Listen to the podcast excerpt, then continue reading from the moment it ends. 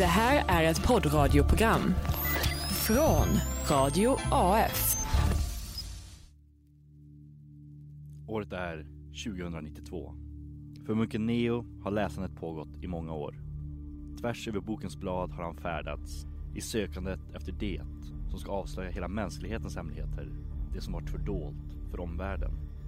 Från nedsupande Louisiana-förhandlare i Paris, konfucianistisk kulturmarxism i Kina till den föragrara föreläsaren Theodorus vid jordens alla flodkulturer. Men läsandet tar en vändning med hjälp av munkbrodern Palle i den ryska staden Visby.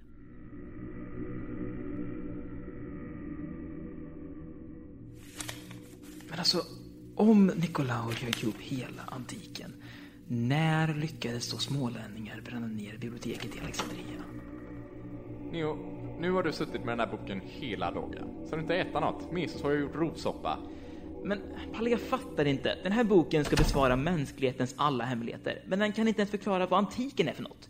Jag menar, hittade Nikolaur på hela antiken? Och om man gjorde det, hur lyckades de här forskarna komma fram till att det här biblioteket i Alexandria brann? Det var ju så fall bara en del av Nikolaurs lugn. Får jag se på den där? Men alltså Neo, det här är ju bara volym 1. Var står det? Där på framsidan. Historicum Idiotarum volym 1. Har du volym 2? Finns det en volym 2? Ja, det är klart det finns en volym 2 om det finns en volym 1. Det är till och med dubbelt så många forskare aktiva än vad jag har förstått det. Mesos hade den förra veckan. Förra veck- Har han kvar den? Nej. Dicken... Vet, vet du var den finns? Ja, det skulle väl vara Lund i sådana fall. Historicum Idiotarum volym 2, alltså. Har Mesos lagat borst? Nej, tror vi har ett överskott på rödbetor eller? Välkomna allesammans till skrivningen av volym 2 av Historicum Idiotarum, första upplagan 2019. Målet med denna skriftserie är att utmana den rådande historieskrivningen, historieskrivningen och berätta hur saker och ting egentligen gick till. I den tidigare volymen har vi gått igenom allt från neolitiska matrevolutionen till nyckelpersoner för renässansen.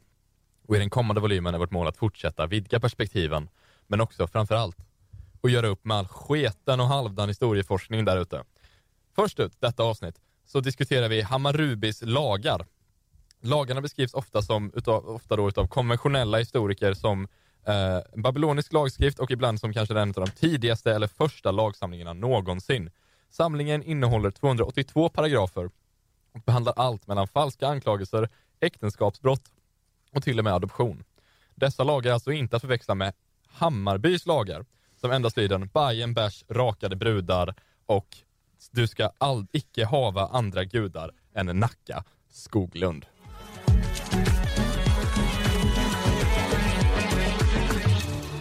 Men där har vi det i alla fall. Mm. Hammurabis lagar. Yes. Ja, jag har inte mycket mer att säga. Jag tänker att vi kanske ska dra igång en liten presentation då. Så Ja. när du som läser detta eller hör detta i framtiden då vet vilka vi är. Mm. Eh, jag kan börja. Jag heter Vincent. Och det är allt Vincent. du ska veta om mig. Eh, jag heter Aron och jag är en idiot. Just det. Jag heter Amandus. Jag är en idiot. Jag heter Knut och jag är idiot. Jag heter Alexander och ni kan ju tala för er själva. Jag kan tillägga då att jag faktiskt är domare detta avsnitt. Och jag är också idiot. Så det är som vi övriga Men jag är också en idiot, Ja, ja, just det. på ett sätt. Formellt inte idag då. Idag är jag ju expert. Du är en dummare. I, idag är det en slags Precis. avvikariering från Ja. att vara idiot. Just det. Precis. Jag Mm. tar, eh, jag stämplar ut från idiot, Mm. stämplar in som expert, som så många andra där ute verkar göra då och då. Ja, Jag tänker axla den rollen då. Mm. Men det är fint. väl axlat. Ja, och vi ska prata om Hammurabis lagar. Ja, Eh, och jag tänkte börja. Perfekt. Vad säger ni om det? Ja, men det låter låter Ordet fint. är ditt. Tack. Den store ledaren, den upphöjde prinsen, som fruktade Gud, att införa de rättfärdiga styre i landet, att förstöra de illvilliga och onda, så att sta- de starka ej skadar de svaga. Så beskriver Hammurabi sig själv på den nästan 3008 år gamla stenstoden, som vi kallar för Hammurabis lagar, lagar, där de är inristade. Han var alltså den sjätte babyloniska kungen.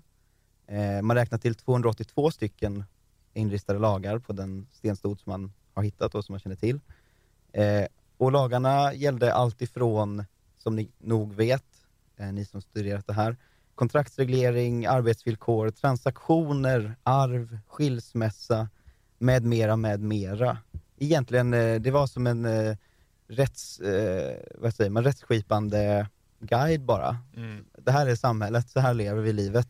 En guide. Ja, eh, egentligen bara för de som skulle straffa alla som hade brutit mot lagarna. Men eh, det innehåller också den här ökända formuleringen som ni känner till, ett öga för ett öga och en tand för tand Mm. och så vidare.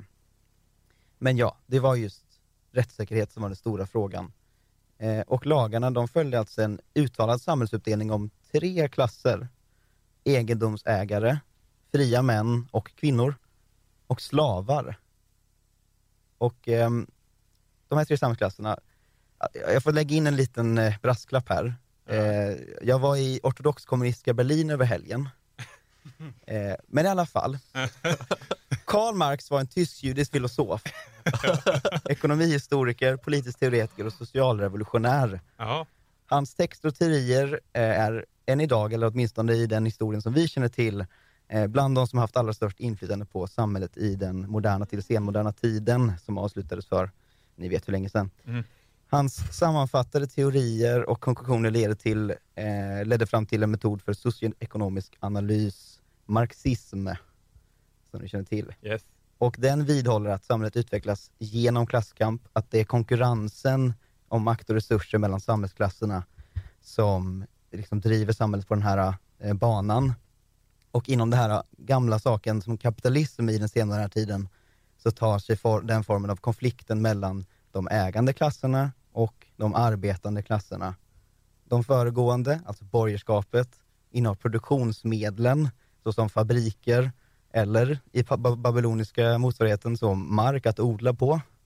Och de senare, proletariatet, eh, gör de här produktionsmedlen brukbara genom att sälja sitt arbete för lön Mm. och ägarna tar avkastningen.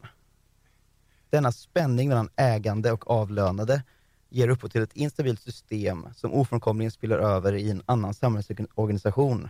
Marxismen menar att det blir revolution och socialism eller kommunism.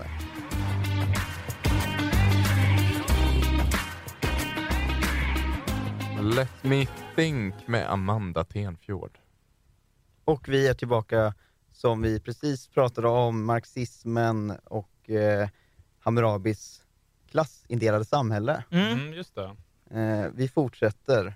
Alltså, långt över då, precis som vi konstaterat, 3500 år tidigare än den senmoderna perioden där Marx levde i, eh, så visste redan de babyloniska kungarna att klassamhället bar på spänningar mellan de olika eh, grupperna. Eh, och den här tiden så levde man inte inom kapitalismen som vi alla vet, utan det var ju autokratiska riken eh, vars makt var befäst genom det gudomligas välsignelse. Hammurabi själv sa sig rista in lagarna som han hade fått av självaste Shamash, den babyloniska guden för rättvisa. Mm. Och Shamash, även känd som Utu, var också guden för moral, sanning och solen. Mm. Han beskrevs rida över himlen i sin solvagn, eh, där han såg allt som skedde under dagen. Och solvagn tänker ni? Ja, jag Ja. fastnar på den också. Apollo! Just det. Aha. De mytologiska figurerna, de korsbefruktar varandra. Eh, äldre civilisationers gudar återfinns i nya, från babylon, babyloniska till de grekiska. Eh, Shamash är alltså någon slags förlaga till Apollo. Eh, och eftersom Hammurabi agerade från Shamash direktiv med de här lagarna som innebär rättvisa åt folket, som faktiskt, men det var faktiskt baserat på deras klasstillhörighet. Eh, och de hade olika rättigheter. Om en läkare dödade en rik patient miste han sina händer. Eh, om samma läkare dödade en slav, kanske inte samma, en annan läkare, då var det bara straffböter som gällde. Mm. Mm. Så de olika samhällsklasserna hade olika rätt till eh, rättvisa helt enkelt. Ja. Ehm, men det var inte alla. Det fanns också eh, liksom bara stöld i allmänhet, bestraffades med döden, rätt och slätt. Men stöld kunde också innebära att, eller kunde också vara samma sak att, som att ta någon slav och föra dem utanför stadsmurarna. Det var också bestraffat med döden. Alltså, slavarna var egendom, men ändå en samhällsklass. Ehm, Och det där var Hammurabi rädd för. Han var självfallet medveten om den här spänningen och han fick eh, lagarna nedgivna av gudarna själva som kände till klasskampen. Det var från gudomlig källa. Ehm, och slavarna hade ju inget val liksom, till den här eh, samhällsklassen. De fick ingen lön, de kunde inte sälja sitt arbete. Eh, de tvingades ned på marken av Hammurabi. Det var han som korrigerade lagarna på den här stentavlan. Det var inte Shamash så som han ville ha det från början, förstår ni. Alltså, det första dokumenterade försöket att nedteckna eh, den marxism, marxistiska doktrinen, Ja, det var i Hammurabi. Okej. Och han eh, helt enkelt, så, eh, han eh, sabbade det här för gudarna. Det kan vi konstatera. Ja. Genom att trycka ner underklassen och tvinga dem att eh, ge upp sitt arbete gratis. Han var rädd för de inneboende spänningar som skulle leda till kommunism och han ville kuva proletariatet. Långt senare då kan vi konstatera, genom, via, via Shamash, via Apollo och vidare in i någon slags överrådande gud kanske, så kom då Karl Marx. Långt, långt senare. Och det är inte förrän då som marxismens idéer eh, via Gud spred sig ut vidare och tog sig förbi Karl Marx hemland och hans eget liv, blommade ut och skakade om 1900-talet. Vi har bara en fråga kvar nu. För vi vet vad som gällde med Hammurabi och den frågan är, är gudarna nöjda nu? är de det? Jag riktar blicken uppåt och frågar Shamash, Apollon, Gud, Maria, Josef och så vidare. Är ni nöjda? Svaret är, det vet jag inte. Tack.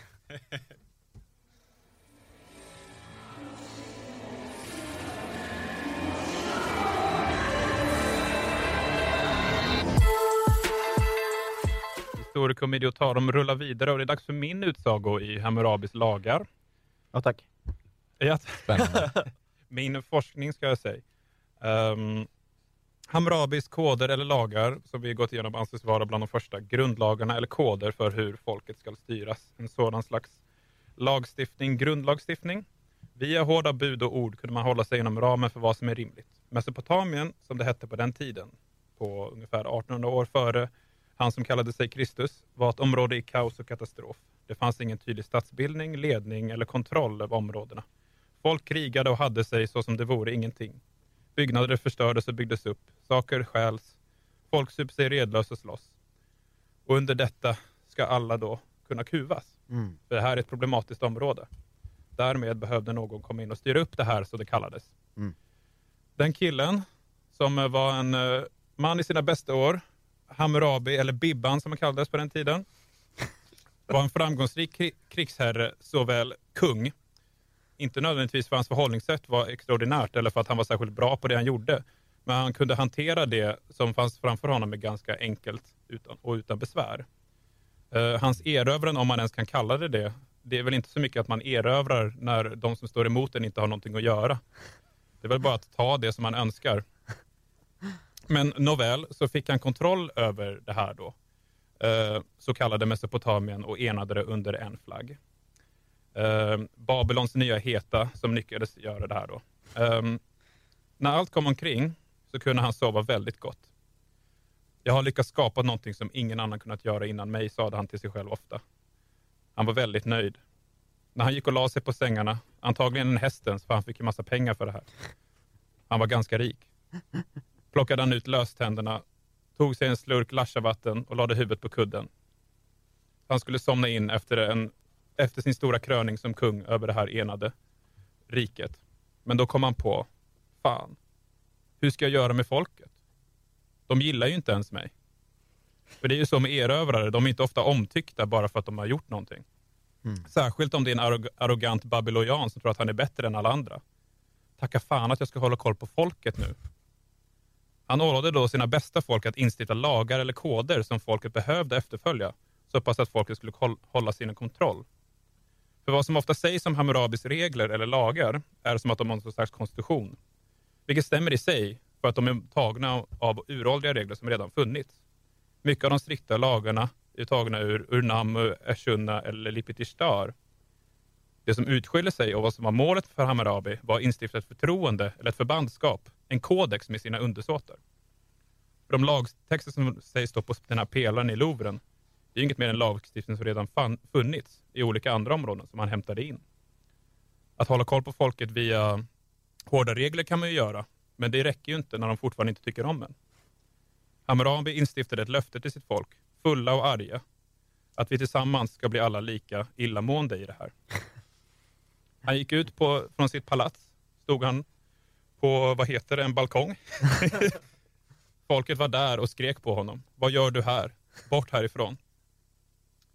Och han sade, mitt löfte till er att ni behöver inte lita på mig. Ni behöver inte tro på mig, eller ens gilla mig för den delen. Jag är här för att samla er under en flagga, utan hopp eller agenda. För mig är ni perfekta. Och mitt hjärta är ditt. Vi har inga mer ambitioner än så här. Utan vårt löfte är bara att fortsätta som det är. Om ni följer mig så kan vi bara leva så som alltid. Därför ska jag underhålla er med det som allt i mitt rike kan göra. Mer opium för folket. Då började folk jubla. Han förväntade sig inte den, just den här uppståndelsen, men han hade hoppats i alla fall att det skulle fastna. Och det blev ju så att Hammurabi inte kunde erövra mer och förstod själv att hans folk inte kunde stödja honom i varje fall. Existentiell katastrof, han blev lite deprimerad. Men folket följde honom efter det här talet. Och han såg till att de skulle leva som förut. De fick supa och handla så som det inte fanns någon framtid för dem. Han instiftade turneringar, skådespeleri och framförallt sport för att folket skulle kunna nöja sig. Det som efterlevde honom var den här existentiella meningslösheten via underhållning, fast enade under samma flagg i vårt och torrt. Självdestruktiva människor vars gärningar inte gärna en än krig och kaos, fyllda och misär. För dem instiftades en kod om förening. Något som återspeglas i de föreningar som sysslar med sport, som fick smeknamnen Hammurabi. Det som levde blev hans kodex, blev Hammurabi-föreningar.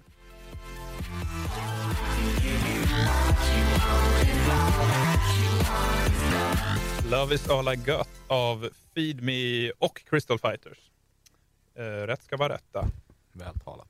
Tack. Um, Hammurabis lagar gav jag lite backstory till, eller Hammurabis kodex som det egentligen då eh, efterlevs som.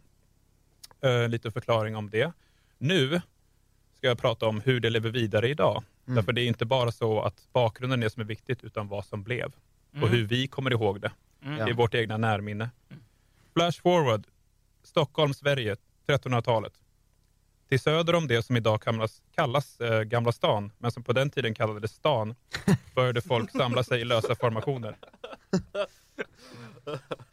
Olika sorts bebyggelser utan vidare ordning eller kontroll. Den omrickade börsen började flyta in i området. Folk började slåss, framtidstron fanns inte. Då det inte fanns en bro till de bra delarna av stan så fanns det inget där att göra. Så var det i det här området tills på 1880-talet innan någon började ta tag i det hela.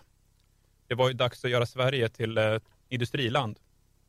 Huvudstaden kan inte bara ha en lös sammansättning människor, oduglingar som vägrar göra annat än att hänga på den grönskande jägaren. Stadens styre samlade sig i ett krismöte. Hur ska vi sälja järnmalm till Europa med ett folk som inte kan tyglas? Man bjöd in historiker och gamla filosofer. Samtalet gick in på nya regler, lagar och straff. Vissa sa, vissa sa att folk inte kan slå ut ett öga för en öga då de inte kan se mer. Några skrattade. En man vid namn Baltasar, eller Bajen som han kallades på den tiden, föreslog att eh, se tillbaka till Mesopotamien och den gamla kungen som vi kände som Hammurabi. Han hade studerat hur den här kungen hade gjort för att ena sitt folk och utan att ge dem egentligen hopp om framtid. Folket på Söder behövde finna ett syfte. Inte så att eh, de kunde slå sönder sina kedjor, utan så att de kunde njuta av blommorna på bojorna. De bestämde sig relativt snabbt. De skulle starta en förening som de gav smeknamnet Projekt Hammurabi. Vi- Vissa saker behövde ju såklart modifieras. Hammurabi är ju inte något som går att uttala i den tiden på storstaden, då man inte ville misstolkas som en göteborgare. Därmed behövde man ändra lite på glidningen och droppade u Enklare blev det då att säga Hammarby. Så som man uttalade saker i Sverige gled stavningen in på den tiden. Man hade inte så många ord i Sverige som slutade på ABI, utan i folkmun blev det då bara BI. Den gyllene regeln som vi alla vet. öga för öga, tand för tand. Eller den som gjort sig skyldig till ett grovt brott ska bli bestraffad med samma typ av handling. Så ska det då stå på de här äh, lagtexterna som sägs tillhöra Hammurabi. Um, återkopplas nu till en mer modern sägning. Den som gjort sig skyldig att hålla på ett lag måste bestraffas med laget självt. Moderna skrivningar såsom uh, What comes around comes around, det som sa det han var det, eller bajare som bajare. Det är inte lätt att leva under lagar som man inte gillar, men som man måste finnas där. Hammarbyare, som de kallas idag, vill väl inte vara som de är, även fast de kan intyga sig själva om att allt är bra. Men de rådande normer som styr klubb, klubben och folket är att sakna ambition och livslust. Därför skapas det som ger allt en mening. De eh, så kallade kodex som straffas bara för att de finns.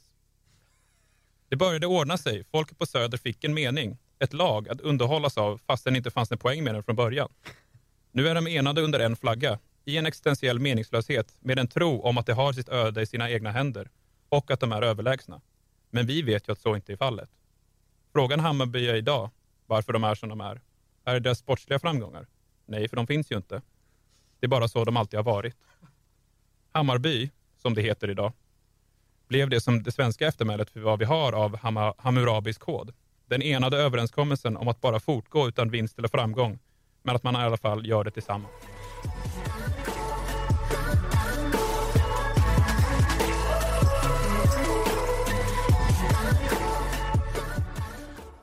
Not cool med fler giraffer. Också känt som more giraffes. Take it away, Ja, maestro.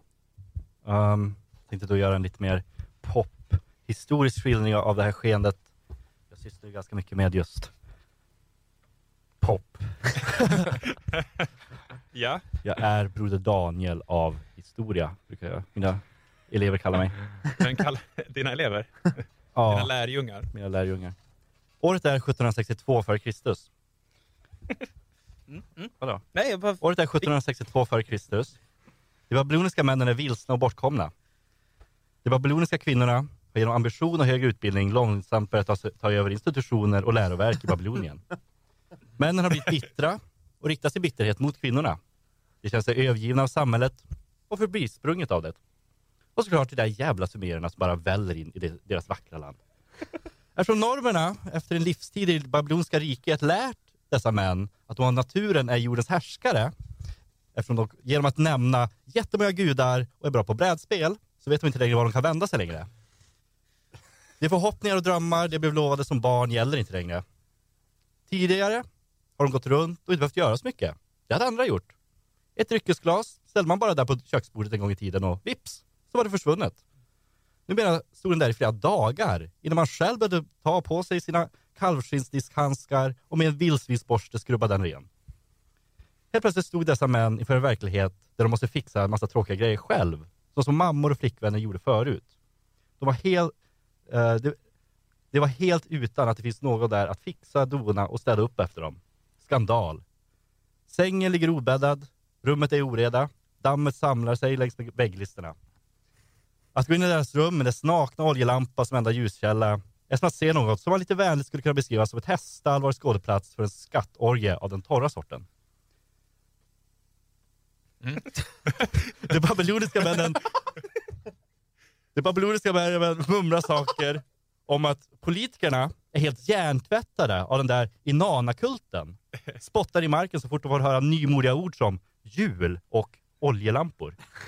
Och den där hängande trädgården, är det verkligen sånt där våra skattepengar borde gå till? Men behövde inte vara rädda.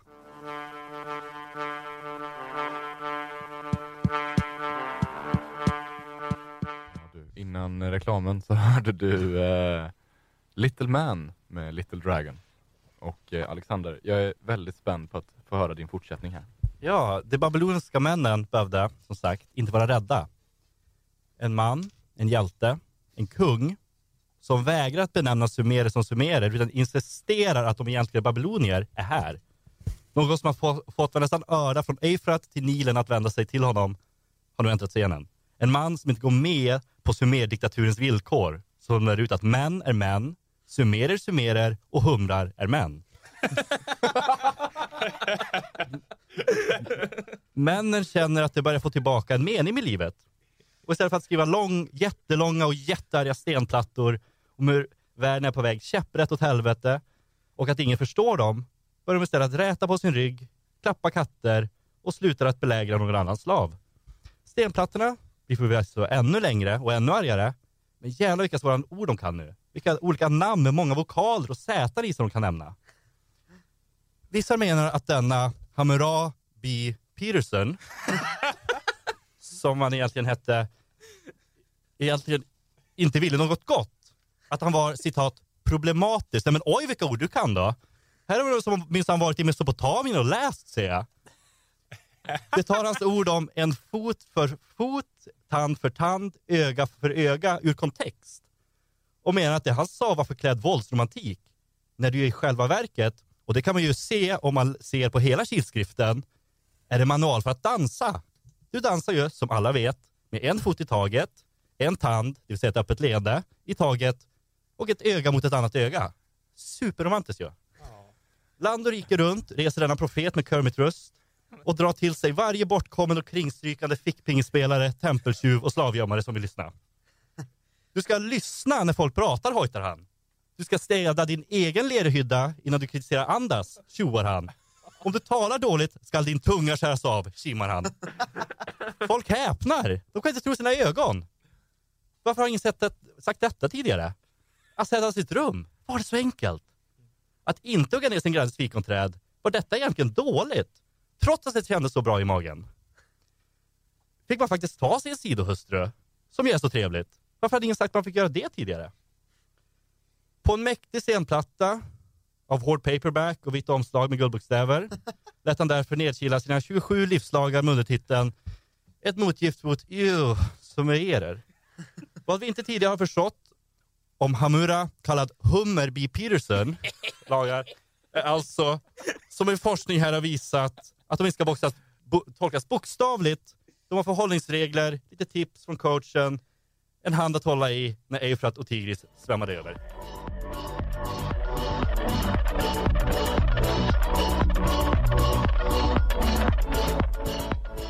Han är med Robin. Med i. Robin. Robin. Här i Robin. Idiotarum. Med i? I? Y. Okej, ja. Är du idiot? Det hade varit revolutionerande. Robin. Ja, Robin, en annan Skulle, skulle vara bra artisten för att etablera sig, Mm, en, tycker jag. en R- Robin var det där. Eh, och med det sagt så har det blivit dags för vår uh, sista idiot. Ja, det är ju jag. Mm. Det är det. Hej. Hejsan. Hej. Eh, Ja. Jag har ju då också grävt ner mig en hel del i så här, ja, men just den specifika frågan varför skrev Hammurabi sina lagar? Vad var liksom orsaken till det? Mm. Eh, och även om jag hör till den eh, historiska skolan som anser att överkomplikationer av historien sällan är nödvändig, måste ändå jag också säga, jag måste också komplicera det här lite genom att tudela min forskning. Eh, för att förstå varför Hammurabi, då alltså kung av Babylonien, skrev sina lagar måste vi studera två former av historia. Den första det är den rent sociala historien kring samhället. Eh, tiden för Hammurabis erövringar, erövringar, som alltså var 1700-talet före Kristus, så här, eh, det var en extremt omvälvande period. För första gången sen, eh, ni vet, jordbrukets, upp, jordbrukets uppkomst med eh, Theodorus alla föreläsningar i världen, det, alla flodkulturer han reste runt. Och, I'm aware. Ja, ja precis. Ehm, så började faktiskt kungariken dyka upp. Ja, men alltså imperier kan man nog till och med säga. Åtminstone någon slags protovariant av imperium. Eh, samhället befann sig alltså i förändring, allra främst i Mellanöstern, alltså där Babylonien finns. Hänger ni med? Mm. Eh, så i samma kapitel i volym 1, där jag lyfter fram den omvälvande forskningen kring Theodorus liv och jordbrukets uppkomst, tog även idioten Viggo, eh, som gästforskade i det här kapitlet, upp den fasen mellan jordbrukets uppkomst och imperiernas intåg, som förverkligade någon slags protokommunism med småskaliga samhällen. Även om Viggos forskning inte skrevs in i vår historiebok är det helt klart en forskning som jag står bakom. Eh, dessa protokommunistiska, alternativt protokommunalistiska samhällena eh, som ändå dominerade flera sekler av mänsklighetens eh, historia raserades så småningom med centrala makters uppkomst med kungar, kejsare och statsministrar. Ska vi kunna begripa oss på varför Hammurabi skrev sina lagar, då måste vi se här. De småskaliga kommunalistiska samhällena innebar gemensamt ägande baserat på personliga kontakter och andra slags relationer liksom till var och en. Eh, och I och med Hammurabis erövranden som ledde till eh, det mycket mer omfattande kungariket Babylonien, då förändrades samhället och hans lagar tvingades att skriva in. Men det kvarstår en viktig fråga. Varför då? Samma slags gemensamt ägande kan ju fortfarande existera, självklart under andra premisser med kung Hammurabi som Babyloniens högsta ledare, men oavsett vad kan småskaligheten fortfarande upprätthållas liksom på de lägre nivåerna. Vad höll Babylonien så pass obalanserat att Hammurabi trots allt tvingades till lagstiftande? Vilka var det som ställde så märkliga frågor och medvetet sökte missförstå allt för att tvinga fram diverse poänger? Jo, en samhällsfaktor han inte räknat med. Kära idioter, inom kort är det dags att diskutera min forsknings andra relevanta historia, nämligen manshistoria. Ah.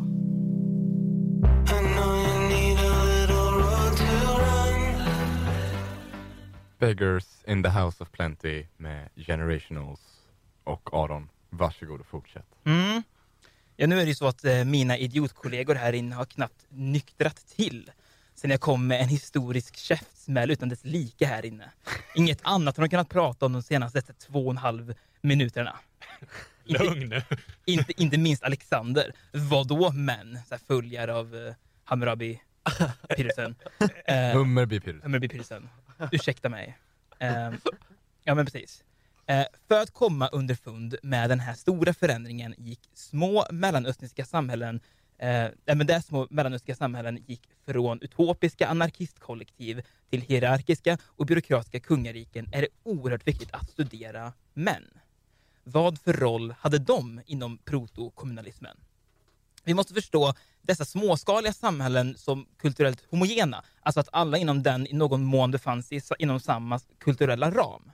Alla var barn av samma by. Dessutom byggde samhället på en enkel struktur. Alla var inom sfären för kännedom. Man visste vilka som fanns runt omkring sig.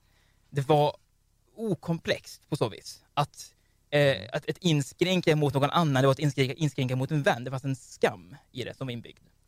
Är ni med på vad jag menar? Ja. Mm. Det var ett sammanhang där män helt enkelt kunde blomstra i. Men så ser det inte ut idag. Och vårt samhälle idag, ja det är som ett arv i rakt nedstigande led från kung Hammurabis Babylonien, bortsett från den tämligen relevanta industriella revolutionen. Vad händer med män när de utsätts för stora och komplexa samhällssystem? När de stöter på subkulturer de aldrig hört om? När samhället blir anonymt? Jo, det män är bäst på. Provokation i syfte att testa ett system och dess eventuella gränser. Så har det alltid varit sedan dess. Hitta loopholes, ställa dumma och irrelevanta frågor bara för att här, finna logisk överensstämmelse. Men låt mig ta ett, ett, ett oerhört relevant eh, exempel. Har ni spelat brännboll någon gång? För mycket, Ja. det har hänt. Ja, precis. Och ni vet att det, det finns ju ett mål, utelaget. De ska bränna innelaget som springer. Det här är då inte bokstavligt utan bara rent bildligt. Man, så. Eh, kan, kanske inte under Hammurabis ballon, men jag har inte studerat deras, eh, deras sporter. Skicka dem till pyren! Precis. Eh, och det som händer då, ja, men det är att utelaget, eh, de ska alltså eh, bränna ut de som springer eh, genom att ta, de ska fånga den här bollen som skickas ut, ta den till en så kallad brännplatta och utropa bränd. Det är liksom del av den här premissen. Dock i vissa fall, när omständigheterna är särskilda, eh, så kan brännaren välja att inte utropa bränd, utan bara kliva på plattan. Det finns en gemensam, liksom, eh, underförstådd eh, sägning av bränd, även om den inte uttrycks explicit. Vad gör då en man vid ett sådant här tillfälle? Jo, men såklart de tar tillfället i akt och bara kutar över till nästa kon. Vadå? Du sa ju inte bränd! Vid mer än ett tillfälle har jag sett detta utnyttjas. Det, är, Ja. det är ett typiskt manligt drag för att testa reglerna av ett system, tänja dess gränser, se liksom om det inte uttrycks explicit, men är det verkligen på riktigt då? Och det här gäller även för samhället. Män klamrar sig fast hårt vid samhällets lagar och regler som om det vore allt de hade. Om, om, om exempelvis om en transperson frågar Hej, jag föredrar att du använder pronomen som bekräftar min existens trots att det inte är en av de normativa. Är detta möjligt? Nog kan du hoppa upp och sätta dig på att kanadensiska psykologprofessorer stretar emot och frågar snällt Menar du att du vill inskränka yttrandefriheten? Män är alltså vid förvirring av för komplext och kulturellt heterogent samhälle i extremt behov av etablerade lagar som ska vara tydlig, eh, tydliga och alltid gällas. Allt undvikande och runtgående måste straffas med utmanande frågor och onödig provokation. Så, då undrar jag, hur såg Babylonien ut efter Hammurabis erövringar? Jo, så här var det. Nu ska jag förklara för er. Det var en hel hop av förvirrade män som inte vet hur de ska hantera detta nya komplexa samhällssystem i liksom en helt ny värld. Markus kanske frågar, Markus hette de på den tiden jag läste Bibeln, eh, vem är det här? Han känner jag inte. Kan jag ta hans skörd och fru? Och då säger nej Matteus, det får du inte. Och då, då kanske Matteus frågar, sig, men varför inte? Men för att det är en jättedum idé. Men de kanske frågar igen, men hur straffar det mig? Jag känner ju inte honom. Det är liksom inte min skam att bära. Och till slut blev dessa frågor för många för Hammurabi. Han orkade inte och en lösning som för alltid skulle leda till utopins förfall etablerades. Ja men Johannes, då tar jag din skörd och din fru. Ett öga för ett öga, en fruga för en fruga. Då jäklar blir det tyst på Lukas. Då alltså kortfattat, det som en gång höll oss och än idag håller oss från ett fungerande anarkiskt solidariskt samhälle, det är alltså män och kungen.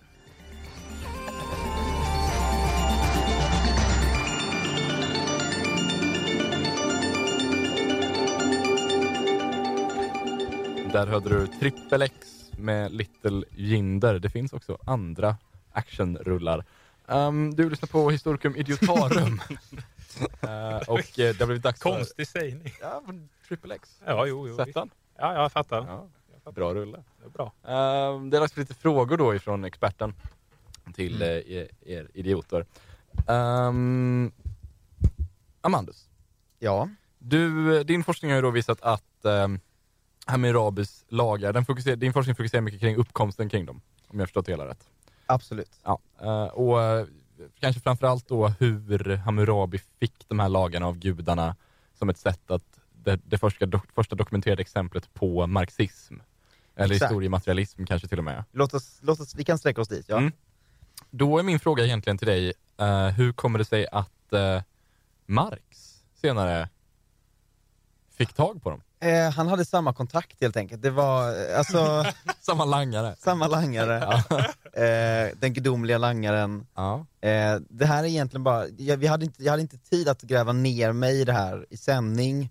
Men självklart så är, är ju Hammurabi bara, han är kanske inte ens den första, jag skulle säga att han antagligen inte, inte är den första Nej. som tagit emot eh, materiali, materialismen från sin langare ovanifrån. Det finns en lång rad historiskt. Mm. Och sen ända vägen fram till Marx då, som kanske är den liksom- mest framgångsrika fröet.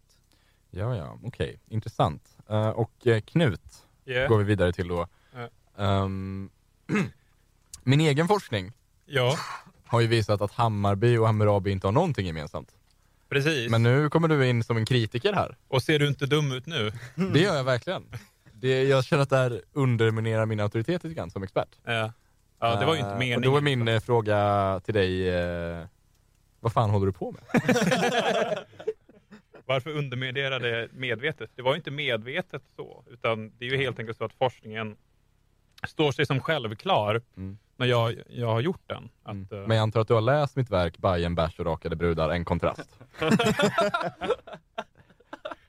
Självklart eh, har jag ju skummat igenom den då det inte var särskilt läsvärd eller läsförståeligt överhuvudtaget. Nej. Men eh, jag vet ju om att det har skrivits och sagts om det här, att det inte skulle vara sig samma. Men eh, vad vi kan se är ju det uppenbara att det som, det var inte bara i Sverige som att den här så kallade Hammurabi eller Hammarby-föreningar startades upp, utan det är ju någon sorts, som jag berättade om, ett hederskodex där ett förbund sluts mellan i princip de som ska styras och den som ska hålla koll på dem. Att under, un, Med underhåll och passion kan man ena folk oavsett vad det, att, trots att deras framtid inte finns. Mm. Och det är ju någonting som har funnits i flera områden i världen, har kanske haft andra namn, men som vi känner den är ju Hammurabis kodex. Mm. Eller föreningsskap. Eh, jag tackar så mycket för ditt svar. Tack. Eh, och går vidare raskt till eh, Alexander. Ja, jag står och klipper mina små klor Ja. i luften. Ja. Redo att Ja. ta emot. Toppen, vad härligt. Ehm, Du, eh, din forskning eh, är också, skulle man kunna säga, fokuserad på uppkomsten av Hammurabis. Mm. Ja. Eh, på något sätt. Ehm, De omständigheter och villkor de växer fram ur. Precis. Eh, och eh, du talar ju då om uh, det här, uh, det här sä- sägningen som du hade där. en- Öga för öga, eller tandfot för nej, fot. nej, utan jag, tänkte på, jag tänkte mer på den om uh, män är män, summerare, Sumerer och humrar är män. Så var det ja, Ja. just det. Det jag har funderat på där då egentligen mest, Mm. eh, vart tog Hamurabi Peterson det här ifrån? Är det ett eget Själva begreppet? Ja, alltså har han hittat det någonstans eller är det liksom en, eh, var det en, en, en vanlig sägning? Från Jordan B. Peterson-floden. Okej, ja. Där han brukade fiska som barn, Mm. kunde han tydligt se Att humrar är... Ja, alltså han, han var ju väl, ja, precis, han var ju väldigt mycket, när han lyfte upp nätet så såg han varför är vissa humrar längst upp och andra längst ner. Mm. Och då utförde han vissa experiment på dem. Okej. Ja, det Ja. gjorde han. Ja. Och upptäckte att, att de som var längst upp, de gjorde ondast. Okej, jag förstår. Och kunde dra slutsatsen att oj, vilka jävla alfahanar. Ja. Men det är alltså Så en... först blev han eh, ju rädd, Ja. han var livrädd, Mm. men han lärde sig att leva med det och nu Var han en alfahanne själv? Ja, I början var han ju inte det. Nej. Eh, men det var ju sen när han kom på de här eh, 27 livslagarna Mm. eh, med alla sina paragrafer och sånt som Ja. han kunde äntligen börja sprida det. Han, när han hade väl sängen. Ja. Uh, städa sin delhydda. Just det. Man finner Ja. det sig inom sig. Ja. Precis. Vackert. Ja, fint. Tack så mycket. ja, tack själv. Eh, och då kommer vi till eh, den sista idioten, Aron. Ja, hej. Hej. Det är Eh, jag. Även du har fokuserat på, ja precis. Eh, Även du har fokuserat då på uppkomsten kring lagarna. Ja, det är väldigt Ah. mycket det som jag har Ja. forskat kring. Eh, och eh, du, me- du menar då att eh, du följer en, eh, en historieskrivning som kanske inte är allmänt accepterad av uh, oss i rummet? I Alltså- och med den, eh, att det inte s- är med i volym 1, exempelvis. Det här med de protokommunalistiska samhällena. Precis. Ja, precis. Nej, men det, det, precis, det etablerades aldrig. Det förtydligar ju faktiskt att eh, delen Theodorus, det, det är ju sant. Ja. Det är vi överens om, men att, att det som Viggo sa, det är bara någonting jag stödjer och det som jag inte hör till Mm. den här eh, forskningen. Mm. Ja, det, det, det, det, det, jag funderar på där, då är, ser du någon sorts problematik i, eh, i att stödja dig på eh, kanske icke accepterad forskning? Ja, alltså, nja, det... ja, Det gör du inte alltså? nej, nej, men alltså så här, det här är ju... Ja, jag och Viggo går ju långt tillbaka med, med alltså, vårt arbete. Det här är ju ändå liksom, tätt samarbetat. Alltså, så här, det, var ju, det var ju han som liksom, var, var redaktör för hela det verket, såklart, eftersom det är han som fört fram det, det här om, om den här utopiska um, förkommunismen som existerade i någon slags tidigt agrara samhällen. Eh, men jag har skrivit alltså, diverse artiklar där, i, exempelvis om just den här genusprägen eh, i då hans, eh, i den här monografin. Okej. Men an, ja, precis. Ja. Så du, skulle, man skulle kunna säga att det är någon sorts nepotistiskt utbyte ni, ni arbetar med? ja, eller åtminstone att vi, att, eh, vi hör till samma skola rent, eh, rent ekonomisk fördelning, alltså transparadigm, ekonomiska fördelnings... Du, men- du menar att ni, ni delar samma metod? Ja, Transparadigm.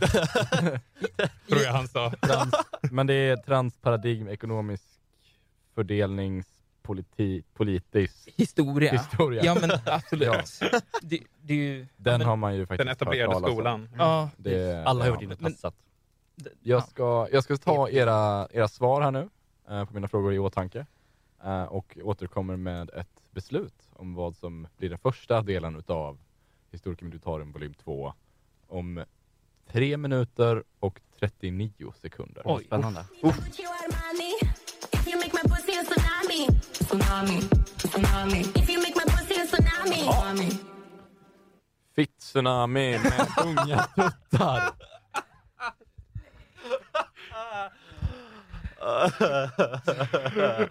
Ja. Ja, Det är det det handlar om! Ja, ja. Det, ja, ja. ja. Vi, vi hörde det allihopa. Ja. Ja. Tsunami med Young Titties Cash Remix Mm. i Historikum Militarum. som nu eh, har kommit till ödets stund, skulle man kunna säga. Ja, just det. Att det är dags för mig att ta ett beslut. Har du boken med dig? Boken är med. Eh, där har vi den. Där Ja, är den. Vilken fin utgåva. Mm, första upplagan. Ja, Mm. fin. Syns som inte annat på den fina illustrationen. Eh, mm. Det här är En radio, ni kan inte se Ja. den tyvärr. Ehm, väldigt fin är. Ehm, det var ett väldigt svårt beslut, detta. Jag tycker att alla teorier här har väldigt mycket intressant att ge. Och jag tror ju att som någon sorts eh, tvärvetenskaplig eh, person själv, så tror jag att många av er har eh, hittat delar av sanningen allihop. Mm. Är- Men att, eh, att vissa stämmer överens kanske mer än, eh, liksom med, med sanningen än, än andra. Ja. Ehm, och jag har därför valt en, ett första kapitel. Är ni, är ni beredda på att höra vad det är? Ja. Ja, ja. Ja. Jag känner att jag vill bygga upp spänningen lite. Ja. Jo, jag är Om- Innan vi gör det. jättespänd. Och det här är alltså om Hammurabis lagar, visst är det så? Precis. Ja, just det. Precis. Ja. Eh, och då kan jag avslöja att det inte är om Hammarbys lagar. Det är nämligen så att det första kapitlet i Historikum Militarum volym 2 kommer att handla om ingen mindre än Hummer B. Peterson. Hej! Hej! Klapp, klapp, klapp, klapp, klapp, klapp, klapp med, med mina... Sluta knipsa. Jag finner, Knipsa som klapp, klapp. Jag finner din forskning intressant. Tack. Eh, hade önskat en referenslista. Jag ser också Så jobbar vi inte här. Jag ser också, jag fortsätter min recension här, eh, att ehm, du i framtiden Mm. eh, förknippar kanske med en jämförelse. Mm. Utöver det bra arbete. Tack. Du får ett B. Och, ja, okej. Den! Som i B. Pettersson. Nej! Jo. Vad fattade du inte? Tog du inte den på uppstuds? Jag var ju där framför ögonen. Ja, jag tycker att det är fan svagt av er att inte ta den. Jag tog den. Ja, det är bra. Det är bra Knut. Nästa gång. Nästa gång. Nästa gång är det du som vinner. Ja, Vinner. Vinna. Kan man vinna Jo. historia? gjort bäst forskning. Det kan Ja. man. Ja, Det kan man. Det kan man. men självklart inte i den, i den här den postmoderna historieskolan som vi är van vid med att det finns liksom ingen Mm. vinst eller förlust i det. Allting existerar på någon slags annan o... o Tran, transparadigmiskt. Ja, det är det Ja, vi behöver. precis. Men jag, jag vill påstå att det, i den idiotiska historieskolan så finns det definitivt vinnare och förlorare. Det, Det är, här- det är i alla fall min tolkning av det. Det här är ju vad de postmoderna kulturmarxisterna inte vill att du ska få höra. Mm. Ja, precis. Och det visste man redan på 1700-talet före Kristus. Ja. Mm. Mm. Det. Hakan står ut fortfarande. Jag uppskattar dock eh, att ni alla har tagit er tiden att forska kring detta ämne. Mm. Det är Jo, vårt visst. kall. Det är vårt Precis. kall. Det är Ja. vad vi gör. Ja, att jag- jag fick ta del av den. Vi tackar dig som har dömt. Nåväl fel, men ändå dömt. Ja. Ja. Jag har ändå lagt alltså, ett, ett halvt decennium med mitt livs besparingar på att, att göra det bästa med mina resor till Mellanöstern. Men eh, absolut, det är väl de humrar som... Ja, nej, nej, nej. Ja. Mm. Så många, så många böneband jag har köpt. Ja. Så jag vill bara egentligen då ställa frågan till er alla här, har vi lärt oss något idag? Ja. Ja. ja. Vi har Jo. lärt oss att Ja. historien går vidare. Mm. Och Vi, vi har väl lärt oss ett väldigt bra slagord. Män är män, summerar summerar och humrar är män. Mm. Visst är det så? Ja. Ja. Mm. Det Det är tycker något- jag är bra ledord för framtiden. Det tycker jag verkligen. Det ska tatuera, tatuera in på latin på min arm. Gör det. Jag vill se det hända. Om inte annat så kanske jag gör det. Ehm, jag har i alla fall lärt mig att jag eh, behöver revidera min text om äh, min text Bajen, bärs och rakade brudar. Mm, mm. Mm. En kontrast. Tack vare din mycket riktiga kritik.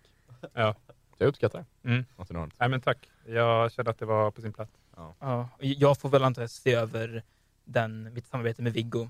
Med den här eh, ant- antologin Marx på vetefältet. Så är mycket, det. mycket möjligt. Ja. Tack så jättemycket. Tack. Ha det fint. Hej då! Hej då! Hej. Du har lyssnat på ett poddradioprogram från Radio AF. Hitta alla våra program på radioaf.se.